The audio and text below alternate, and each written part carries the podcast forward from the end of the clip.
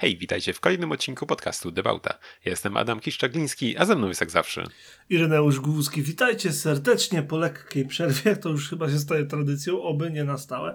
Mm, wróciliśmy, a jakże? E, I i mamy dla Was dzisiaj odcinek specjalny. Dlatego owszem, zaczniemy od tego, że możecie nas znaleźć na www.debauta.pl oraz przede wszystkim na naszym Discordzie i Instagramie, gdzie Was serdecznie zapraszamy, bo ożyliśmy znowu. Mm, natomiast e, bez zbędnych ceregieli przejdziemy dalej. Tak, no dzisiejszy odcinek jest dość specjalny, ponieważ już drugi raz w historii naszego podcastu mamy okazję porozmawiać tutaj ze świeżo upieczonym właścicielem nowego samochodu. Tym razem jest to Irek. Tak, haha. Który nam opowie o Hondzie Elysium. Co, co to jest, panie Irku? No bo to jest, to jest kompletny kosmos, myślę, nie tylko dla, dla mieszkańców y, Starego Kontynentu, a i na wyspach raczej nie jest to y, częsty widok. Zdecydowanie tak. Um, ogólnie mm, jak zrobiłem tą wrzutkę na naszym Instagramie, że um, szykuje się odcinek specjalny, myślałem, że wyjdzie w weekend, ale no niestety siła wyższa, um, to to jest ten tajemniczy, beżowy, ogromny, dwugaśny dach za mną. Honda Elysion to przedstawiciel segmentu MPV, Multi-Purpose Vehicle, który jest w Europie nieco takim zapomnianym, y, bo, bo jakby ludzie z jakiegoś dziwnego powodu zaczęli chcieć mieć suwy zamiast starych, dobrych, wielkich pudełek, w których można zrobić wszystko. I dodatkowo nie jest to takie zwykłe sobie pudełeczko, bo należy do segmentu D ogólnie, czyli jest duże oraz do tych pudełek, które są bardzo, bardzo luksusowe, a takich rzeczy w Europie prawie nie ma.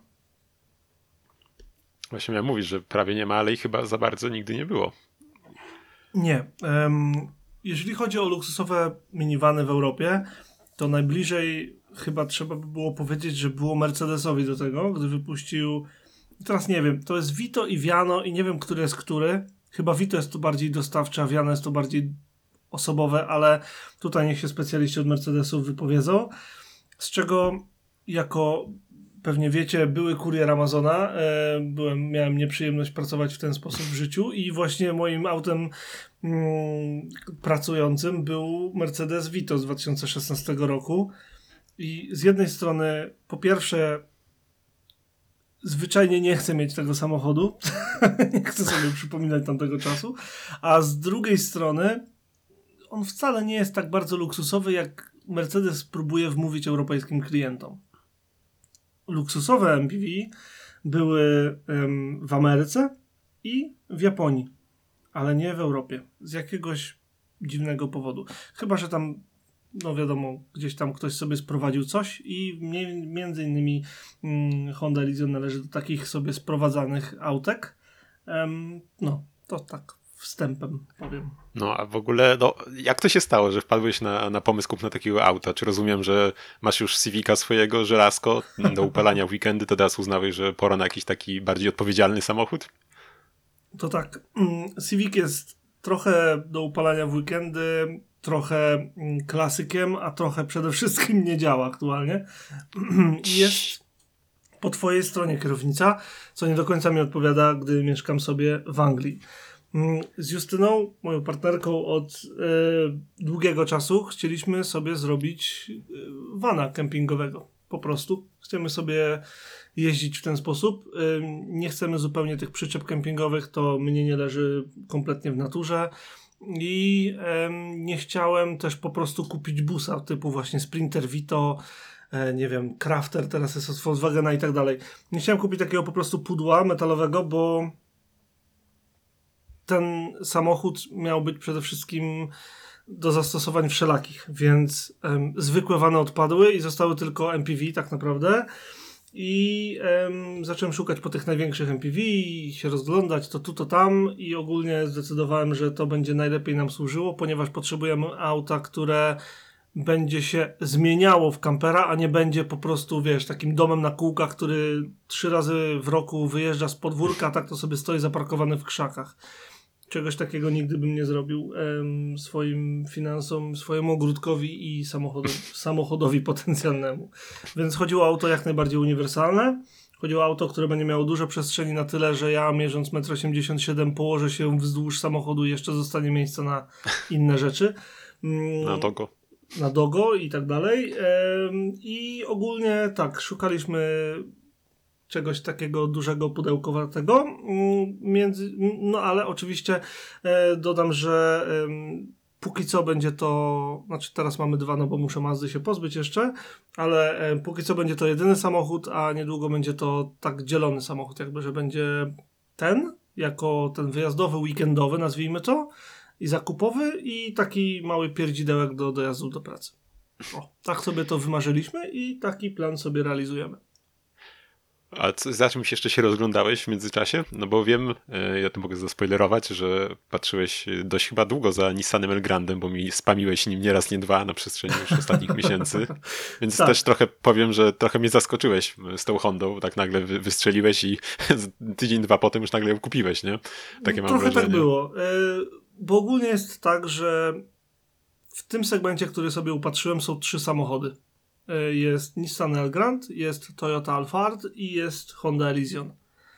I em, długo się biłem z myślami. Nissan ogólnie zrobił Elgranda jako odpowiedź na Alfarda. Nie wiem, która była w tym całym ciągu zdarzeń Honda, jak mam być szczery. Wiem, że Alphard, jestem przekonany, że Alphard był pierwszy.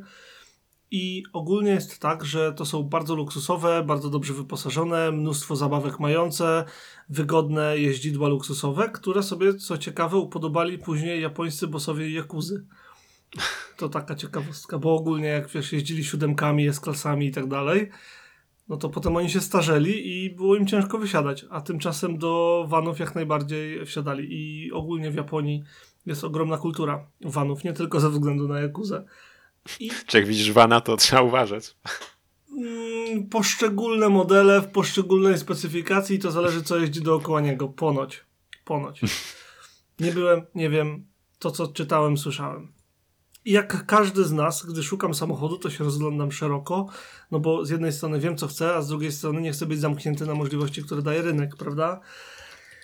I tak jakoś było, że zacząłem szukać co jest i wyszły te trzy. Elgrand, Alphard i Elysion.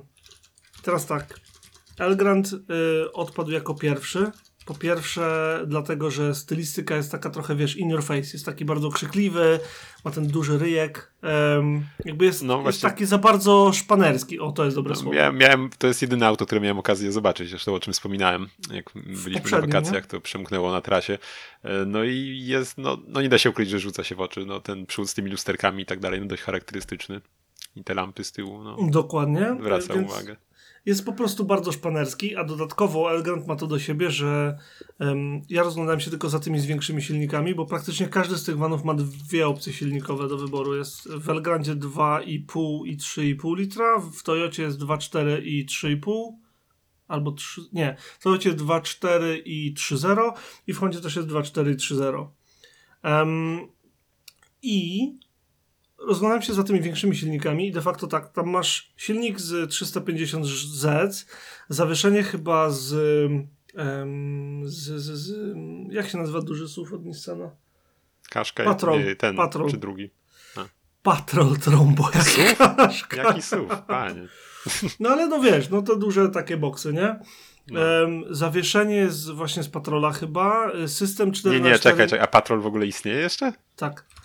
E, zawieszenie 4, czy tak, e, czekaj, bo mnie zgubiłeś. A, em, napęd 4x4 jest bodaj z, z lekko zmienionym systemem z GTR-a i tak ogólnie to jest taki kubeł z szczęściami, wiesz.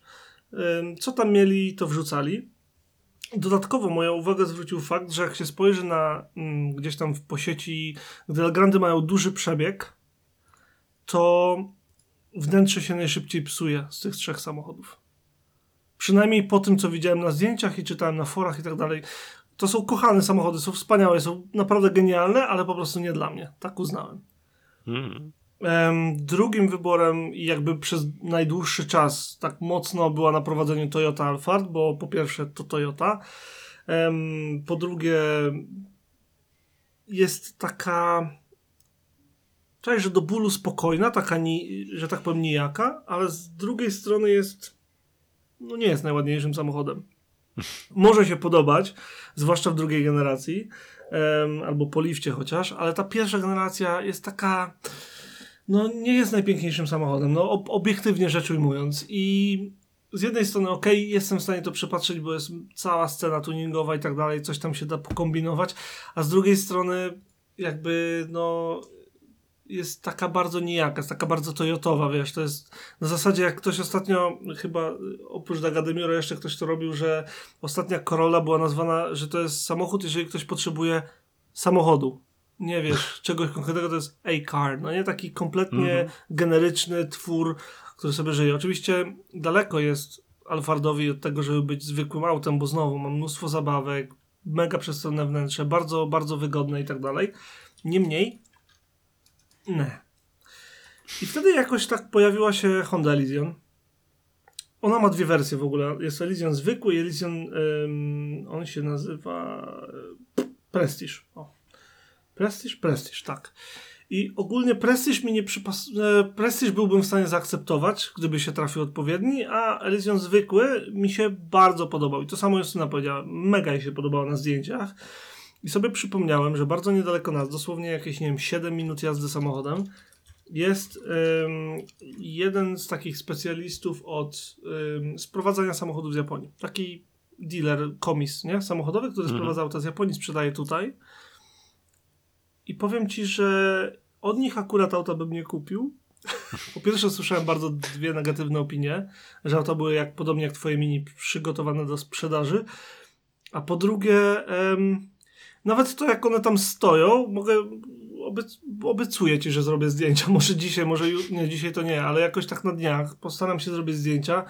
Nie będę mówił ich nazwy celowo, żeby wiesz, nie szykanować, nawet jeżeli mm, szansa na to, że znajdą nasz podcast i będą nieszczęśliwi jest nikła, to nie będę mówił kto to, ale ogólnie auta, które się patrzy jak... Oni mają tylko ustawione na oglądanie, nie? Że, że nie możesz po prostu podjechać i zobaczyć. Mhm.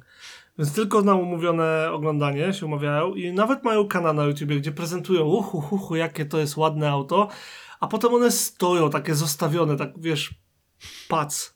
Sobie tak pac zosta zostawione. Ten przy ulicy, ten gdzieś za ogrodzeniem, ten w krzakach. Jeszcze znaki z japońskich aukcji pozostawione. Często wiesz, na oponach, które ewidentnie wymagają napompowania, przynajmniej jedna z nich przeważnie, no, nie, nie zachęcająco, mówiąc krótko. Niemniej wyhaczyłem, że sprowadzili Elysiona właśnie. I natrafiła się okazja, żeby zobaczyć wszystkie trzy samochody, którymi się interesujemy w jednym miejscu. Co jest gratką, musisz przyznać, przy tak rzadkich sprzętach. No pewnie. I, i, I jak? Rozumiem, że koniec końców wrażenia... Bezapelacyjnie, nawet bez żadnego, wiesz, bez żadnego zastanowienia powiedzieliśmy sobie z Justyną, okej, Elysion, zostaje Elysion.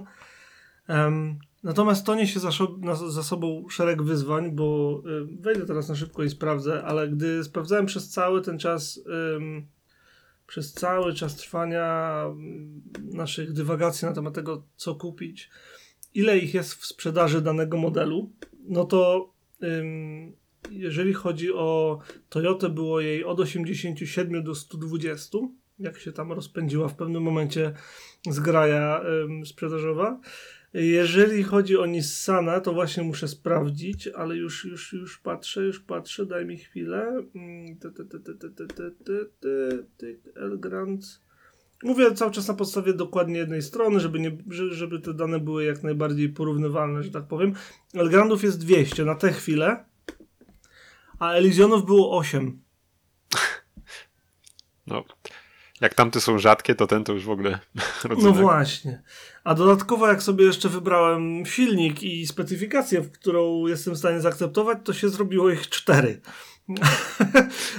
Więc nagle kupno Elysiona sprawiło taki no, mały kłopotek, no bo gdzie to szukać, jak to szukać i ogólnie na które się zdecydować i jak to wybierać.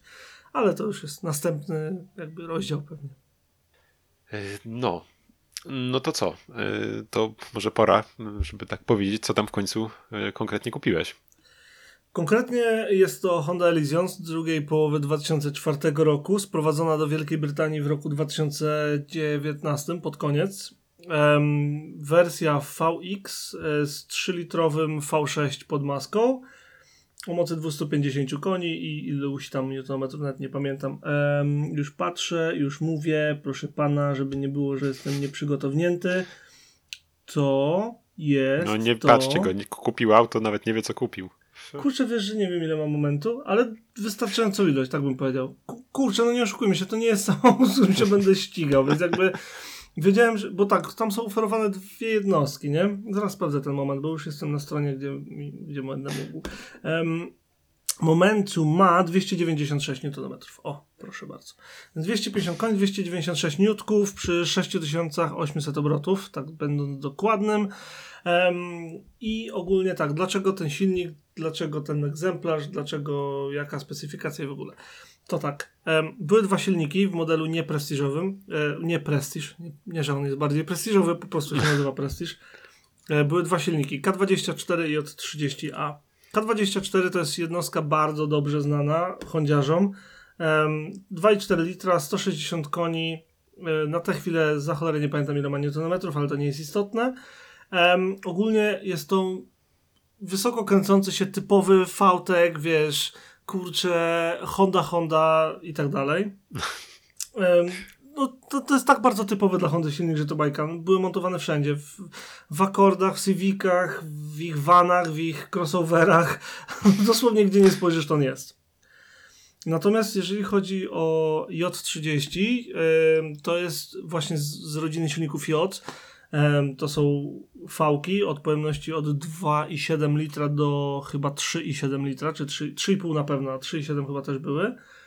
I ogólnie wybrałem ten silnik ze względu na to, że tak, 3,7 były, ze względu na to, że wiesz, to ma być wygodny, luksusowy cruiser, tak? Nim się ma podróżować na długie dystanse i tak dalej. Nie chciałem, żeby przy każdej górce Honda była Hondą, mówiąc krótko. Um, silnik y, tak jest wysokoobrotowy i kręci się i brzmi przecudownie przy wysokich obrotach, serio. Natomiast ja chciałem, żeby to był silnik, który ma taką bezwysiłkowo przyspieszał. O, o to mi chodziło. Żeby był taki, wiesz, jak najbardziej miękki, jak najbardziej cichy, jak najbardziej spokojny w swoim charakterze. Żeby dwie tony wagi tego samochodu, a to jest ciężki wóz przecież, żeby nie robiły mu różnicy.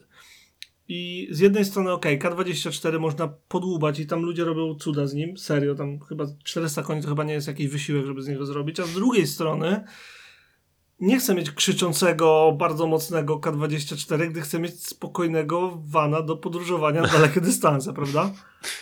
Yes. Dodatkowo y, silnik J30A ma, si ma system, który się nazywa VCM, Variable Cylinder Management i ogólnie Honda sobie to wymyśliła i to zrobiła i chodzi o to, że silnik e, pół silnika się wyłącza w trakcie jazdy spokojnej. Gdy silnik nie potrzebuje być, gdy nie potrzebuje mieć mocy, gdy ma tylko utrzymać prędkość, wiesz, na, na prostej, gdzieś tam na autostradzie i tak dalej, nie ma górek, to wtedy sobie wyłącza pół silnika.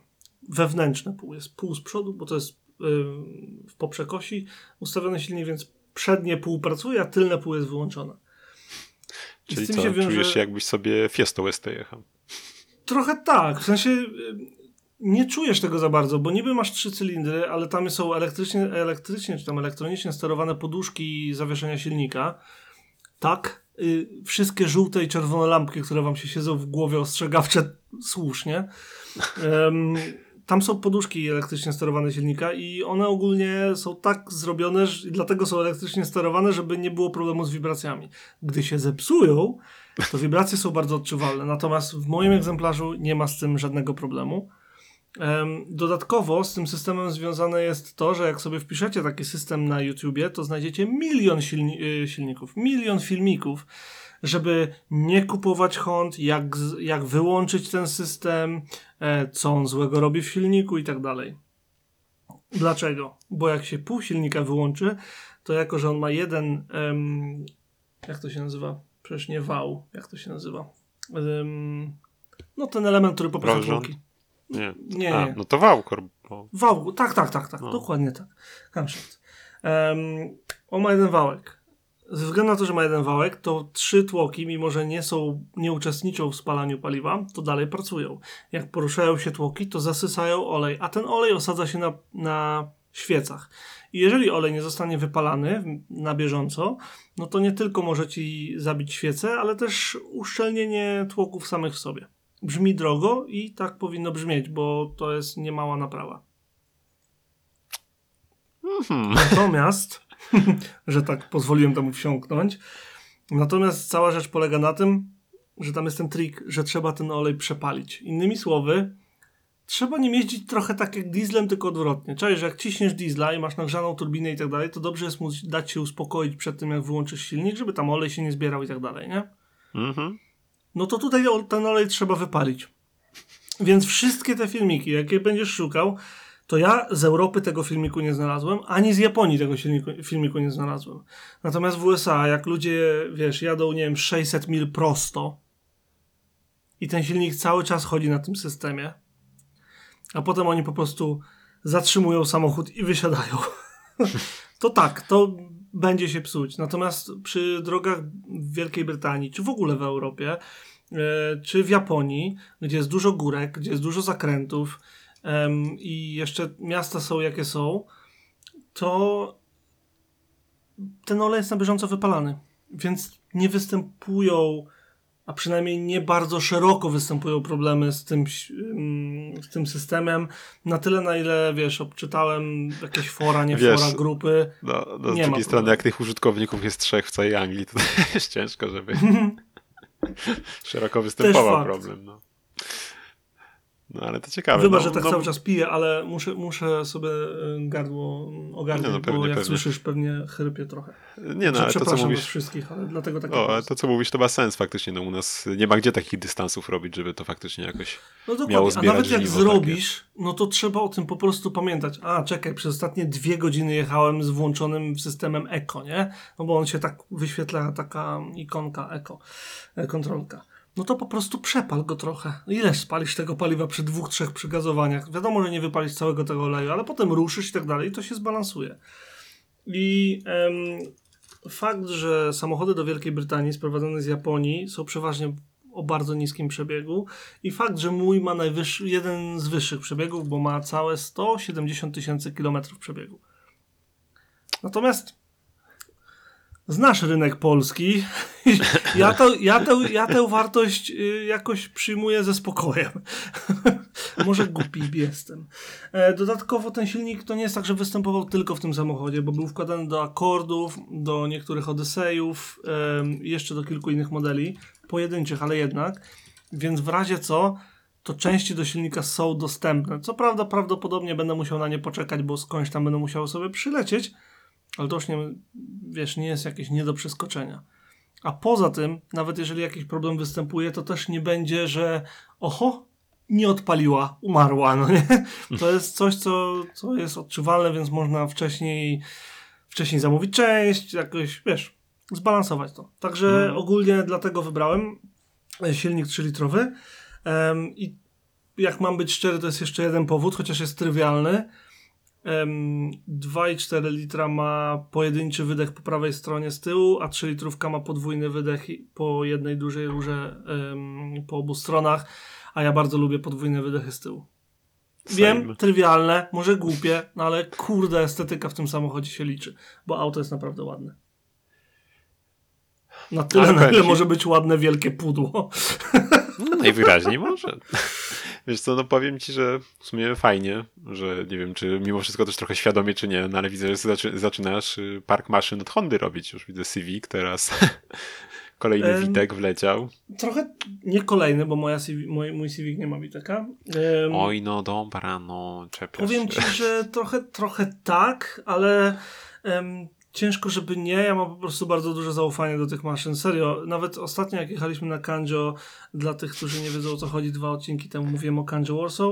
Em, nawet dla tych mm, nawet gdy jechaliśmy na Kanjo, jechaliśmy Hondą, która naprawdę dużo przeszła w swoim życiu.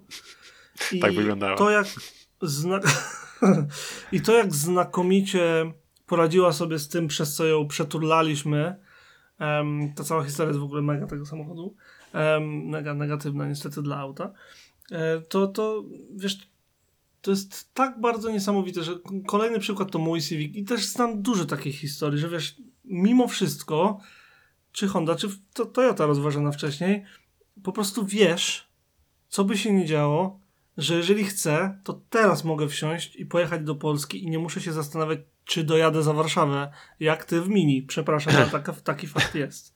Jechaliście do, do Wrocławia Suzuki z jednej strony, ok, oszczędność paliwa, ale z drugiej strony też, że nie byliście pewnie Mini, prawda? No właśnie. I jakby to, to z tego wynika. No, no, ciężko, ciężko, ciężko znaleźć, ciężko w, wypunktować wady. Mm-hmm. Dalsze, dalsza odpowiedź na pytanie twoje, mm, co tam kupiłem. Ogólnie e, cieszy mnie to, że mam jeden z lakierów premium, to jest taka bardzo ładna perła biała. Niestety pouszkodzana to, to, to tam, bo jednak to 105, e, przepraszam, 170 tysięcy kilometrów, czyli 105 tysięcy mil nie było łaskawe. Mam mnóstwo odprysków od kamyków, które ktoś próbował pokryć pędzelkiem, więc tym się będę musiał zająć. Czy niestety. to ta przednia maska jest ofiarą tego tak, działania? Przed mas, przed, przednia maska, trochę dach i jeszcze w kilku miejscach, ale to takie pojedyncze pierdoły. Mm. Um, natomiast to, co mi się podoba, to po pierwsze um, dookoła samochodu jest pakiet modulo, który był dość drogą opcją i jest dość rzadko spotykaną rzeczą na tych samochodach. Mogę ci się wciąć? Mhm. E, to na co zwróciłeś uwagę, tak, że są naklejeczki na wszystkich progach, że tu nie stajemy, mhm. bo to jest pakiet. Tak sobie pomyślałem, że to jest naprawdę świetne akcesorium do auta rodzinnego, nie? Takie progi, na których nie możesz stanąć, ale wyglądało jakbyś mógł stanąć nie? i chciał. Tak, to prawda. Na każdym progu, przy każdych drzwiach mam naklejeczkę nie stawać tutaj, oczywiście po japońsku. bo nie wolno, no, no, po prostu. True, true JDM, co by nie mówić. Nie, tu nie ma śmiania, to jest faktycznie no. auto japońsko-japońskie do tego stopnia, że a, ale to zaraz. W każdym razie jest pakiet modulo dookoła, co bardzo uatrakcyjniają em, wizualnie. Jest najładniejszy oferowany do tego samochodu wybór kół i jest wersja wyposażenia, która się nazywa VX, która jest de facto doposażona odrobinę, przez co jest wyżej, jest niżej niż najwyższa wersja wyposażenia, ale jest wyżej niż środkowa. Jest tak prawie, wiesz, przy topie. Więc mhm. mogłoby być lepiej, ale o niewiele lepiej. Dodatkowo te rzeczy, które mogłyby się pojawić, mogłyby się potencjalnie pojawić i tak nie robiłyby mi wrażenia, ponieważ yy, znaczenia, ponieważ jedna rzecz, której nie mam na przykład, to przy drugim rzędzie siedzeń z sufitu mógłby być wysuwany ekran, taki opuszczany. Natomiast ten ekran tak czy siak był niskiej jakości, jest tylko jedna marka, która robi ekrany, które są kompatybilne z tym połączeniem, więc dużo byłoby zachodu, żeby to tam pozmieniać. I jeśli chodzi już o ten dużo zachodu, to e, tak jak Adam powiedziałeś, to jest samochód japońsko-japoński, bardzo japoński, do tego stopnia, że jest tylko na japoński rynek, a to oznacza, mimo że był sprzedawany gdzie indziej, więc nie do końca wiem jak to działa, e, bo był sprzedawany chyba w Bangladeszu, w pa e, nie w Pakistanie, w, chyba w Rosji albo w Białorusi, albo przynajmniej tam, tam widziałem filmiki, dość dużo filmików stamtąd, jeszcze gdzieś tam w Malezji na przykład. Natomiast cały system ym, rozrywki, nie? Mapy, mhm. radio, wszystko to, co masz na ekranie, a ekran jest, jest fajny i joystick sterowania jest bardzo cute, wszystko jest po japońsku. I co więcej, nie da się tego zmienić. Co więcej, nie da się ustawić japońskiej, yy, przepraszam, europejskiej nawigacji na tym ekranie. No ale też, też tam sobie gadaliśmy wcześniej, że użyteczność takich systemów sprzed 15 lat też nie jest jakaś specjalnie duża. Jednak. Ogólnie tak, natomiast tu jest jeszcze jeden taki pikuś, że żyję w Wielkiej Brytanii, gdzie nie jest dość, nie ma jakoś ogromnie dużo nowych dróg. Mhm. Więc te systemy nawigacji, nawet te stare, faktycznie są używalne. Wiesz, Może nie będą, wiesz, no. mega 100%, nie? Ale tak na 95-90% się. Ale wiesz, chodzi mi też nawet o przyzwyczajenia jednak. Teraz wszystko masz touchable na ekranie i tak dalej. O, to tak. A jakbyś miał tam na joysticku wstukiwać ulicę czy coś, to myślę, że byś to się prawda, tak się szybko to, z nich... To prawda. No. Natomiast y, już zacząłem się rozglądać, jak rozwiązać ten problem, no bo jednak fajnie by było mieć nawigację w samochodzie, tak? Więc poza oczywistym rozwiązaniem przyczepić telefon do deski rozdzielczej, to tak, są jednostki, które możesz zamontować z Androidem, które możesz zamontować zamiast tego ekranu fabrycznego, ale wtedy dużo tracisz z charakteru auta moim zdaniem i sobie postaram poradzić ym, na jeden z dwóch sposobów, ale o tym będę relacjonował na bieżąco gdzieś tam w przyszłości. Ciekawostka, jest zegarek pokładowy jak w każdym, a przynajmniej w większości samochodów, natomiast nie ma sensu go zmieniać w systemie, nawet jak się doklikasz, dopóki dopóty nie rozbierzesz deski rozdzielczej i nie odłączysz kabelka od GPS-u z tyłu radia. Bo em, zegarek w każdym z tych trzech samochodów jest bazowany na pozycji satelit nad Japonią. I O. po prostu automatycznie się przestawi z powrotem. Przydatne. Bardzo przydatna rzecz, jak jesteś w Japonii. Jest. Em, więc tak, jeżeli chodzi o takie tego typu pierdoły, no to muszę przyznać, że ten, to auto nie to, że sprawia trudności, bo tak nie można powiedzieć, natomiast ma dużo kruczków, ciekawostek i takich, wiesz, rzeczy, których nie spotkasz nigdzie indziej. Postaram się to jakoś przybliżyć em, za pomocą różnych materiałów, pewnie na naszym Instagramie, a może na moim i będę odsyłał, y, jeszcze nie wiem, ale na pewno chciałbym ludziom przybliżyć ten samochód, bo jest autentycznie fenomenalny, jeżeli chodzi o to, jak jest praktyczny oraz jak jeździ. No, a co do, co do wnętrza, może jeszcze. E, W ogóle sama ta deska całkiem fajnie wygląda dalej. E, Całkiem nowocześnie, myślę. Też tak uważam. Mimo tych wszystkich lat na karku, tutaj te zegary. No właśnie, i te zegary, dobrze pamiętam, że e, też e, nie są takie zwykłe. Kurczę, tak, zapomniałbym, wiesz? E, przyznam się, że zapomniałem. Zegary w Elysionie są takie ala 3D. Pewnie nie jest to ten poziom 3D, który jest w nowoczesnych Peugeotach. Nie doświadczyłem, więc się nie wypowiem. Natomiast ogólnie jest em, pierwszy poziom to niebieskie podświetlenie, które jest tak strasznie, strasznie głęboko. Potem em, wirtualna, wisząca w powietrzu tarcza od prędkości i wszystkiego innego, która, co ciekawe, jak wyłączysz samochód, to znika. Wiesz, nie ma jej, on, ona Aha. jest też DG, nie?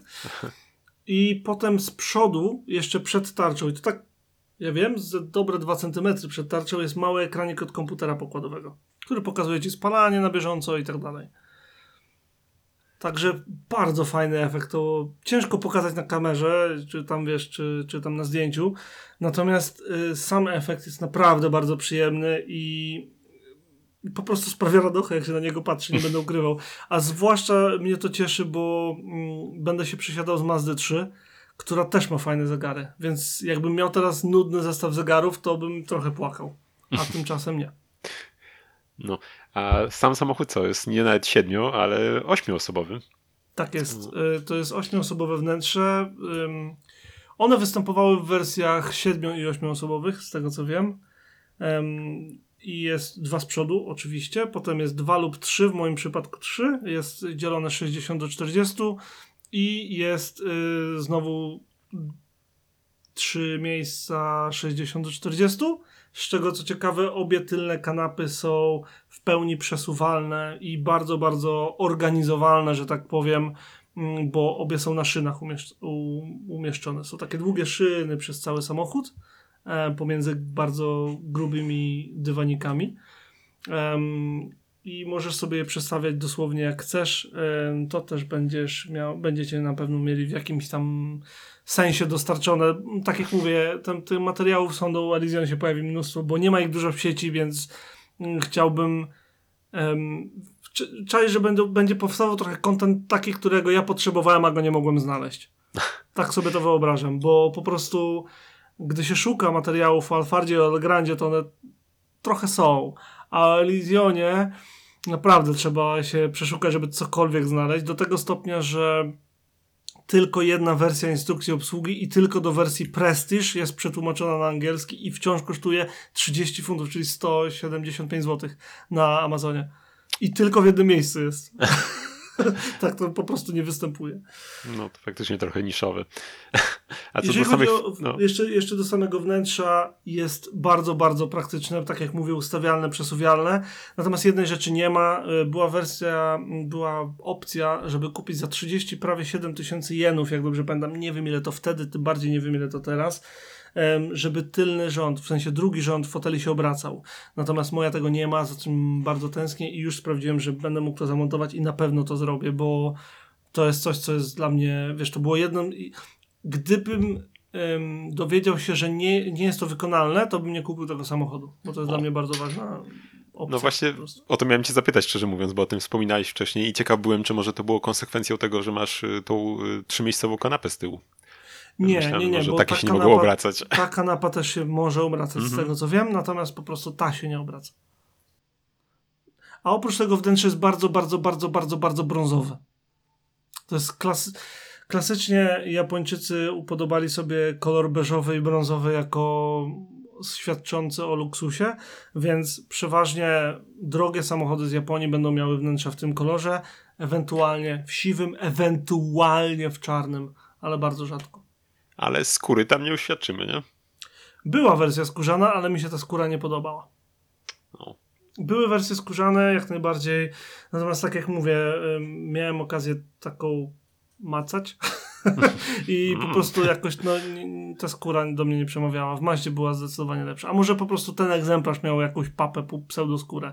Mój ma, e, mój, mój ma, co?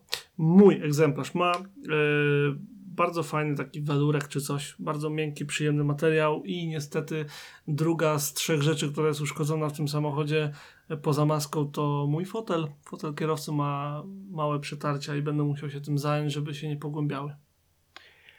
Co do jeszcze tylnych, tylnych foteli, to co mi się spodobało, że każdy rząd u ciebie też ma nawiewy e, klimatyzacji. To jest fajna rzecz. I cup holdery. No i drugi i trzeci. E, I w sumie tak mnie zastanowiło w sumie, że, że czemu producenci częściej nie robią czegoś takiego, żebyś miał... Bo to kosztuje pieniądze. O, no tak, znaczy wiesz, wiadomo też, że w, w wanie też nie miałeś za bardzo gdzie tego poprowadzić, nie? Poza dachem powiedzmy, no bo nie, nie, nie To znaczy, um, precyzując, um, co do klimy ogólnie, jest bardzo wydajna, jest trzystrefowa, jest kierowca, pasażer i tył ogólnie, tak jest podzielony samochód, z czego tył ma dodatkowy i też wiem, że jest opcjonalny panel sterowania klimatyzacją na dachu, więc możesz sobie sam ustawić, tylko nie wszystko. Jakoś tak jest, że możesz sobie ustawić temperaturę, ale chyba nie siłę nawiewu, no. Że ty, a może, może, wiesz co, nie sprawdzałem, bo za mało czasu jeszcze miałem, ale mhm. wiem, że nie wszystko da się ustawić na tylnym, na, ym, da się ustawić od strony kierowcy, a nie da się ustawić od strony pasażera. To jest dziwne, ale chyba tak jest. W każdym razie, ym, kanały są poprowadzone na pewno dachem, bo nawiewy są od dachu, od jakby nad słupkami, nad szybami, ym, do których w ogóle, żebyśmy nie zapomnieli wrócić. I tak, tam są y, dodatkowe oświetlenie wnętrza i dodatkowe dwa nawiewy, żebyś mógł sobie ustawić dwa różne miejsca. Plus um, dodatkowe nawiewy są i to po obu stronach samochodu, i plus dodatkowe nawiewy są przy stopach, przy, przy drugim rzędzie i przy trzecim rzędzie. To jest naprawdę wydajny system klimy. No, na bogato. Na bogato. no. Wnętrze jest bardzo jasne, bo ma dużo szyb, oczywiście, bo to van. Um, natomiast bardzo często, i to jest coś, co mnie strasznie odpychało od Alfarda i od Elgranda, e, po pierwsze, drugi rząd w ogóle nie może w Elgrandzie opuścić szyby, są tylko uchyla, uchylane, co było dziwne wręcz dla mnie. Natomiast w Hondzie nie tylko możesz opuścić drugi rząd e, szyb, ale też zjeżdżają całe, więc masz dosłownie, wiesz, zimny łokieć jak najbardziej. Plus trzeci rząd może sobie szyby uchylić. Co wydaje... już jest mm. całkiem fajną praktycznością, wbrew pozorom. Ale wydaje mi się, że chyba brak uchylanych szyb w drzwiach takich to chyba nie, nie, nie jest nic niebywałego. Tak, czy, czy się mylę w takich autach? No właśnie w tym rzecz, że um, nie wiem. wiem, że okay. na tyle co sprawdzałem te samochody, którym się interesowałem, no to Elgrand na przykład nie mógł opuścić szyb w drugim rzędzie. I sobie mm. wyobraziłem bardzo jasną sytuację, że nie wiem, jedziemy z kimś, na przykład z moimi rodzicami, jest im gorąco, klimy nie lubią na przykład i nie mogą sobie opuścić szyby. No to mnie by to frustrowało, a no, tutaj no, mogę i to mi odpowiada.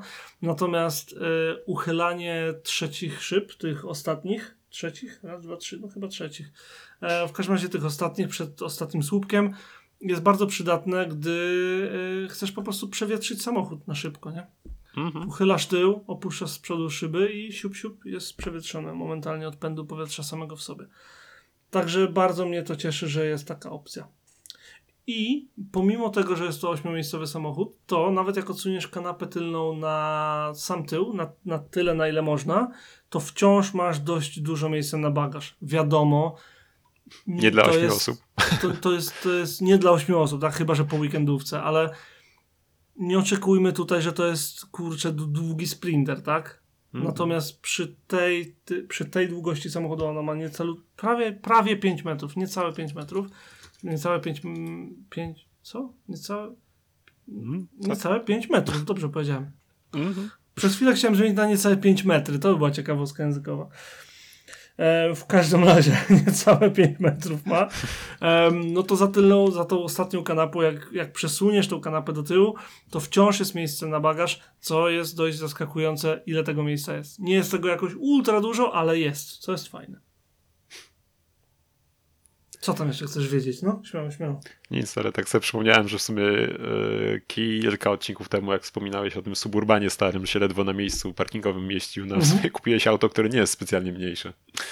Teraz. więc Nie no, przestań, tam ten Suburban miał z 6 metrów długości. Nie, nie. nie. Serio, bardzo długi był. Nie, no nie będę sprawdzał, ale nie, nie wydaje mi się. Te stare aż tak duże nie były. No. E, To co tam jeszcze chcę wiedzieć? Co tam jeszcze chcę wiedzieć, Irek? Albo słuchacze. No pewnie jak jeździ, takie pudło. No, czy, czy, no, wiemy, że ma silnik. Koła też ma, Tak. mówiłeś o felgach. Ma. No to, to jak jeździ? Ma, ma wszystko, co, co może mu w tym pomóc, żeby jeździć, więc. No właśnie prowadzi się zaskakująco dobrze, bo em, myślałem, że wiesz, że na względnie małych kołach, bo to są 17-calowe k- felgi na balonie na 60, e, tak wychodziły z fabryki, spodziewałem się, że wiesz, że no po prostu trzeba będzie podchodzić do każdego zakrętu, że tak powiem, z respektem, nie?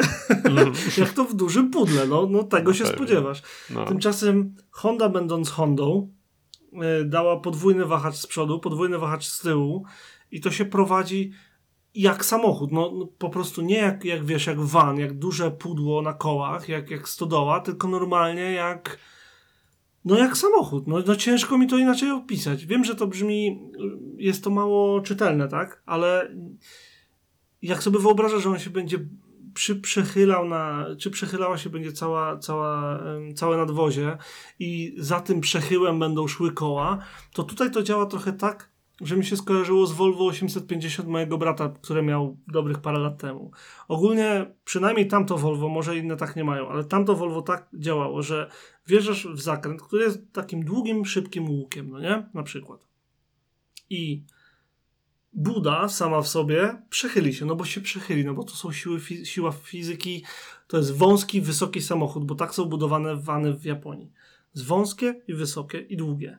Więc przechyli ci się Buda, ale koła są tak przyklejone, że cię no wręcz zachęcają, że a w sumie to wcale nie musisz zwalniać, możesz nawet jeszcze przyspieszyć wychodząc z zakrętu. I to jest na początku bardzo nieintuicyjne, bo się tego po prostu nie spodziewasz, że możesz takie coś robić vanem. Oczywiście to nie jest hot hatch, żebyśmy się też rozumieli. Nie, nie, no, no nie, no to, to fizyka to fizyka i już. Niemniej Kurczę, Honda zrobiła mega dobrą robotę, jeżeli chodzi o, mm, o zestrojenie zawieszenia. ja już myślałem, że mi powiesz, że, że z tym wielowahaczem to już y, parę Typerów FN2 wy- zrobiłeś tam na zakrętach. A nie, natomiast wkurzyłem Audi S3 przyspieszeniem. Oczywiście pojechał, no też nie oszukujmy się. Niemniej wiesz, ustawiliśmy się przy zjeździe z takiego ronda na, na autostradę i wiesz, spojrzał na mnie, że uhu, uhu, gdzie ja się tam ustawiam na jego pasie, który sobie tam wymarzył. Mm. I tak patrzył na mnie niemiło. Po pierwsze patrzył, co to za samochód, a po drugie, jak ja śmiałem się tam ustawić. On nie wie, że ja mam przyciemnione szyby, ale ja go widzę. Więc pozwoliłem sobie sprawdzić, jak Honda przyspiesza, bo to było już pod koniec trasy do domu, a trochę trasy mieliśmy przed sobą. I no depłem, mówiąc krótko. To na jedynce ta Honda się dziwi. W sensie jedynka nie lubi być szarpana, nie? Ona w sensie ruszy i przyspieszy i szybko i w ogóle. Naprawdę zrywa się bardziej niż się spodziewasz, że się zrywa. Gwarantuję ci to. Natomiast to, jak to idzie na dwójce i na trójce, to jest mega niespodzianka. I ten gość w Audi no zdziwił się i zredukował, żeby mnie w ogóle przyspieszyć, a myślał, że sobie tak pojedzie. Co było całkiem zabawne do zrobienia. Wiem, nieodpowiedzialne, głupie nie robi się tak, ale kurde, chciałem utrzeć nosa, okej? Em, pozdrowienia dla Pawła, bo nie lubi Audi. W każdym razie tak, y, silnik jest niedorzecznie doskonałe do tego samochodu. Nie mówię nic na K24, bo to jeden z najlepszych czterech cylindrówek, jakie, jakie możesz sobie kupić. Ale ten silnik jest tak wspaniały, że to bajka. Z jednej strony jest cichy, wyłącza te trzy cylindry, co bardzo dobrze widać po spalaniu, bo za chwilę powiem ile palił na trasie, Zapłaczę. to się zdziwisz. No zdziwisz się. Nie zejdziesz tak nisko mini, gwarantuję ci. Nie no, zejdziesz, ale ledwie. Em, a z drugiej strony było tak, że mieliśmy taki duży objazd podczas trasy do domu. I to był strasznie irytujący objazd, bo jest takie miasto, które się nazywa Milton Keynes. Tam w ogóle jest centrala Volkswagena i milion innych central wszystkich innych marek praktycznie. I em, jak się objeżdża to miasto nie przez autostradę, na której były roboty drogowe, to masz kawałek prostej rondo, kawałek prostej rondo, kawałek prostej rondo i jest chyba z 10 pod rząd. Że po trzecim już jesteś wkurzony. No, to po prostu jest to irytujące. Zwłaszcza gdy się spieszysz. I jeszcze dodatkowo trafiła się, e, trafił się jakiś kierowca w Fordzie Puma, chyba facet, e, ale jak, jakiś strasznie wojownicze miejsce na drodze, bo stwierdził, że będzie jechał dwoma pasami. Więc jak tylko się zamotał i zjechał na ten pas, na którym powinien być, to nie chciałem go mieć za sobą, bo nie chciałem o nim myśleć więcej, że zaraz mi zajedzie drogę. I wtedy po raz pierwszy faktycznie wcisnąłem pedał gazu. Jechaliśmy sobie tam, nie wiem, ze 30-40 mil na godzinę i ja wcisnąłem pedał gazu. Raz, jak ta, szybko, jak ta Honda się szybko zebrała. Dwa, jak ten samochód fenomenalnie brzmi na wysokich obrotach. Tylko te obroty są strasznie drogie w użytkowaniu, nie? Ale jak już są potrzebne, to one tam są i to jest mega przyjemne. Naprawdę, naprawdę imponująca jednostka silnikowa. Ja jestem, jestem zachwycony, że wybrałem właśnie ten silnik. Pewnie do pierwszego rachunku, ale jestem zachwycony póki co. I cóż, jeżeli chodzi o spalanie, bo no 3 litry V6, tak? Ile może spalić 3 litry V6? Jak myślisz? No po tym, co mówiłeś, e, 6,5. nie? Da się, No. ale jest ciężko. Tak realnie rzecz ujmując, to jest od 7, 7,5 no do 15, nie? Albo lepiej. No to wiadomo. No bo wiadomo, no bo jak chcesz, to, no to- fantazja już. Górna granica to fantazja, dokładnie. Ale tak w normalnym w użytkowaniu możesz się nastawić między 7,5 a 12 litrów, a w takiej, przy takiej nie, nie wolnej, tylko spokojnej jeździe, żebyśmy się nie rozumieli, przy normalnych prędkościach, tylko bez, bez szaleństw, możesz śmiało liczyć na poniżej 10 litrów. Nie dużo poniżej, ale poniżej 10 litrów. 9, 8,5, 9,5 w tym przedziale. Mhm. No Przy tak, 3 litrach, przy 3 litrach V6 na, i dwóch tonach, no to... i dwóch tonach wagi. To jest naprawdę dobry wynik.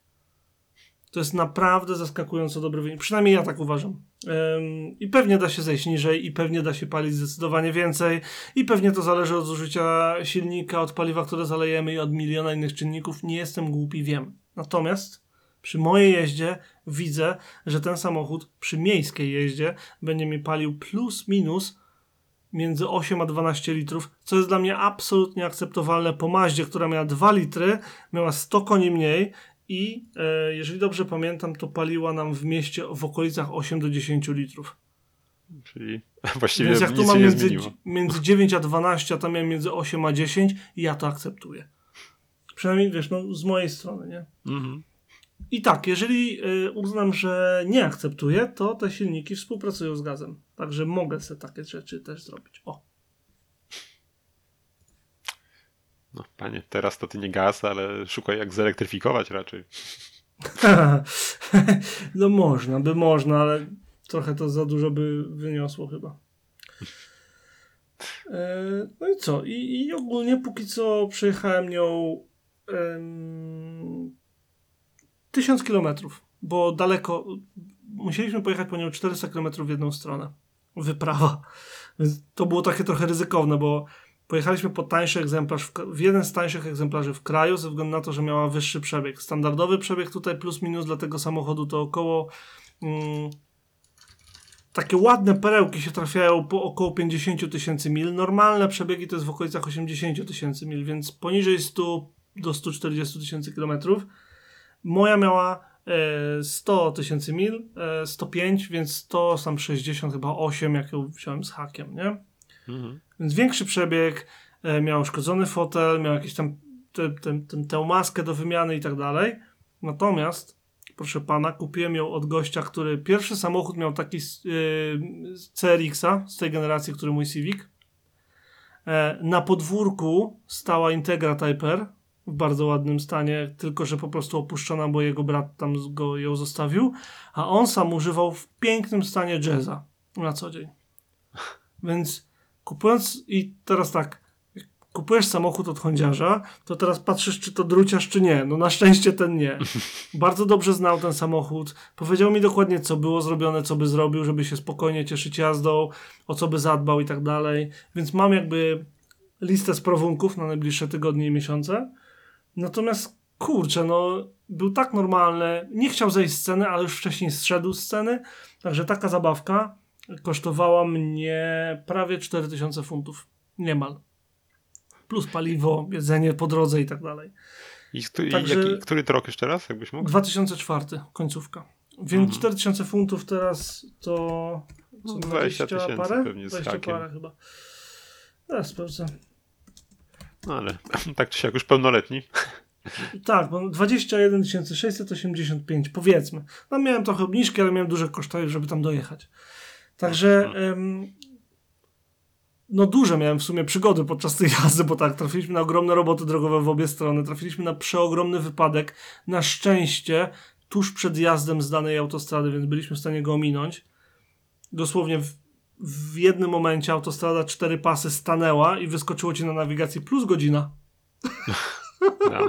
Także trochę, trochę Lipton. Um, natomiast się udało to ominąć. Jakby, no tak, zużyliśmy 25 minut, ale 25 minut a godzinę to jednak opłacalna zamianka.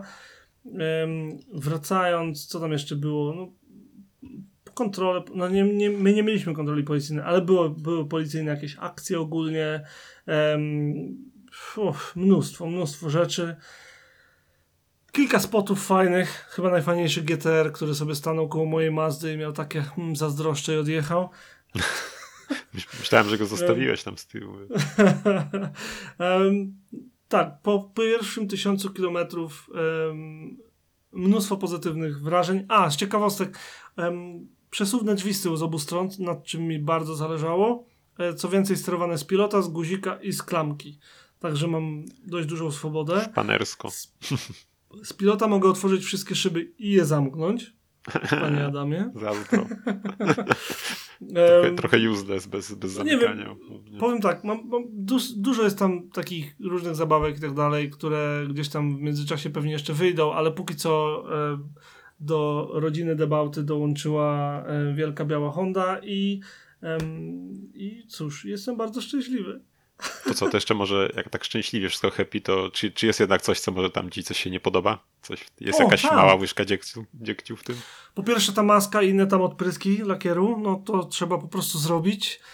Mm, po drugie, fotel mamy rozdarty. Po trzecie, muszę zabezpieczyć podwozie antykorozyjnie, bo poprzedni właściciele tego nie zrobili z jakiegoś idiotycznego powodu, a to się robi na każdym sprowadzonym aucie z Japonii. A to jest jeszcze co zabezpieczać?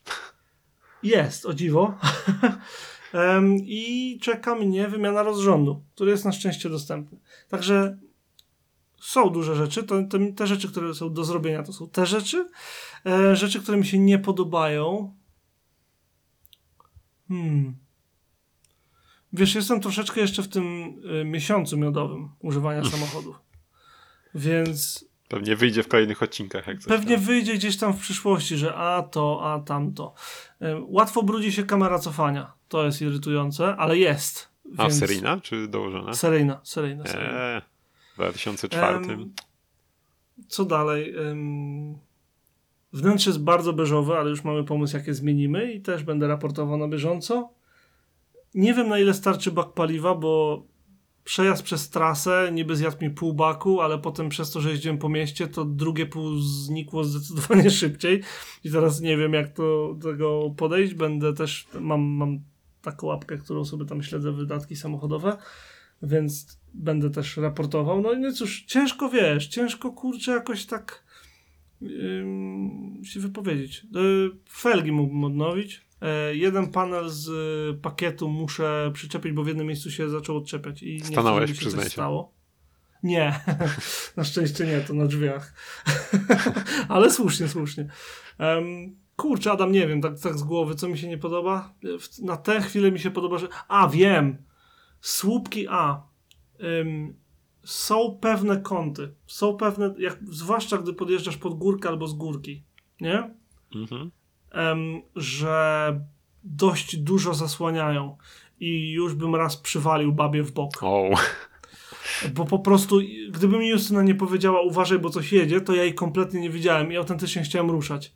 Gdyby mi nie powiedziała, totalnie bym jej przywalił w bok. Chyba, żebym się wiesz, zorientował tuż Mhm. obok niej.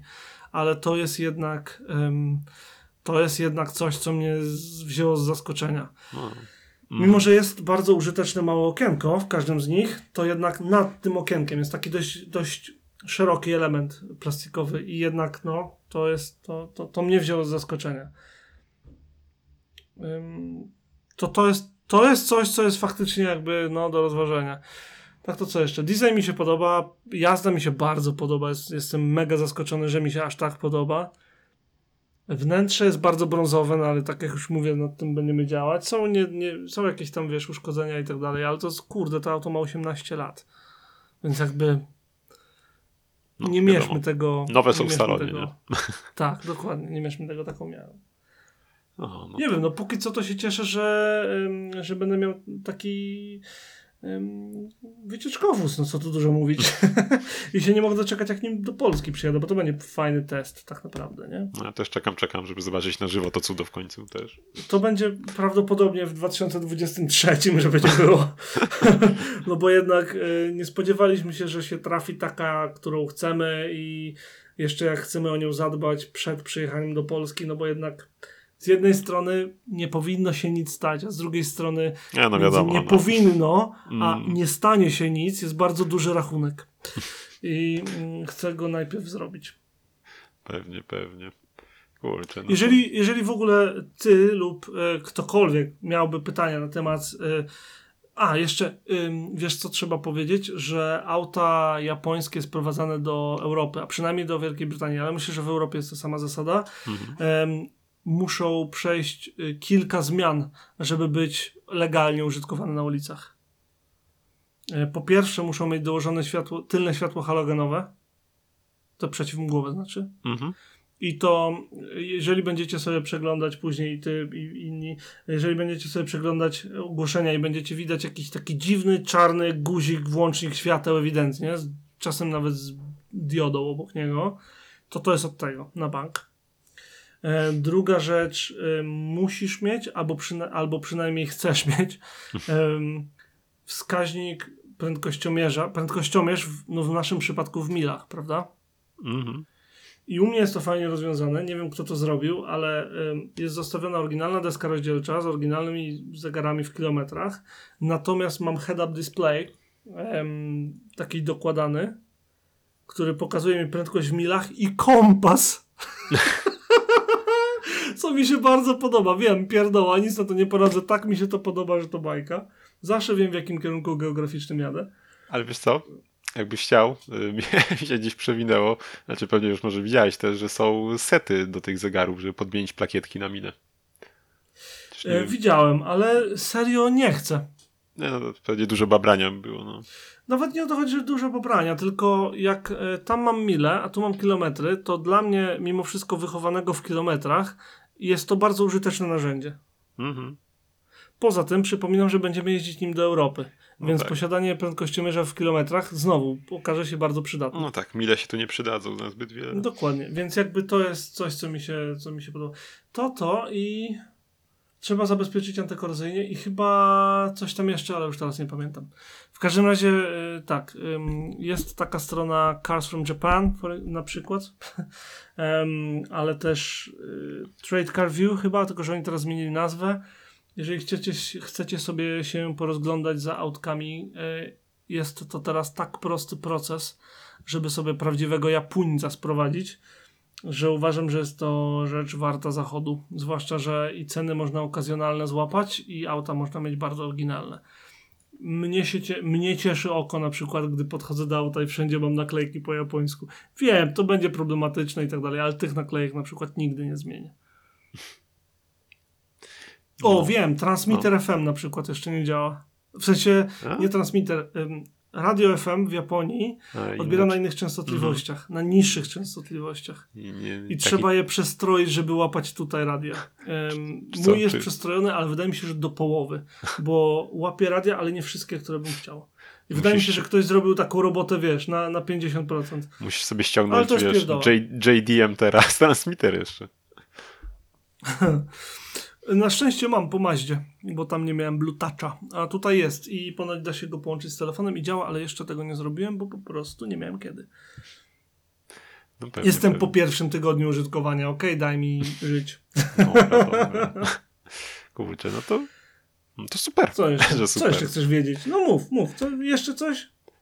Nie, mi już, mi już Jeszcze wystarczy. coś? Jeszcze coś? wystarczy. Masz jakiś problem? Tak, możecie się, możecie się ogólnie spodziewać więcej rzeczy związanych z Elysionem i pewnie was skatuję zdjęciami, bo wreszcie mogę, strasznie się powstrzymywałem. E, na pewno pojawi się na naszym Discordzie też dodatkowe, dodatkowe jeszcze więcej rzeczy, bo zakładam, że nasi kochani użytkownicy tak jak byli aktywni, tak będą i pewnie będzie ich ciekawiło, żeby zajrzeć w każde możliwe miejsce w tym aucie. Bo dlaczego miałoby tego, bo dlaczego mieliby tego nie zrobić, skoro więcej takich autek prawie na pewno nie zobaczą. Y, Przynajmniej tak dostępnych jak moje. Co jeszcze? Jak będziecie mieli jakiekolwiek pytania, śmiało, bardzo chętnie odpowiem. Albo jak nie będę wiedział, to się dowiem i odpowiem. No. I To co? co? zna- Znajdziecie nas na I- debauta.pl i tam też Dokładnie. znajdziecie link do naszego Discorda, na którym możecie śmiało się udzielać, pytać i pisać i dzielić się fotkami, czy tam chcecie w tematach rzecz jasna około samochodowych. A oprócz tego na naszym Instagramie, gdzie pojawią się zdjęcia Elysiona i nie tylko, ostatnio wrzuciłem na przykład bardzo ładne Subaru BRZ, y, Genesisa GV60 i... em, I pełno jeszcze. innych rzeczy. A, i, pu- i płonącego listonosza Pata, który jednak nie płonął, em, a po prostu używał starego Opla. Brzmi dość Em, drastycznie. Trochę tak. I co? I pamiętajcie, że to jest debauta, my tutaj rozmawiamy o samochodach, a rozmawiamy w składzie Adam Szczegliński i Ireneusz Głuski. Dzięki, że byliście ze mną tym razem, bo praktycznie cały czas nawijałem. E, Dzięki, że byliście z nami i do usłyszenia w przyszłym odcinku, który będzie już niebawem. Cześć! hej, trzymajcie się.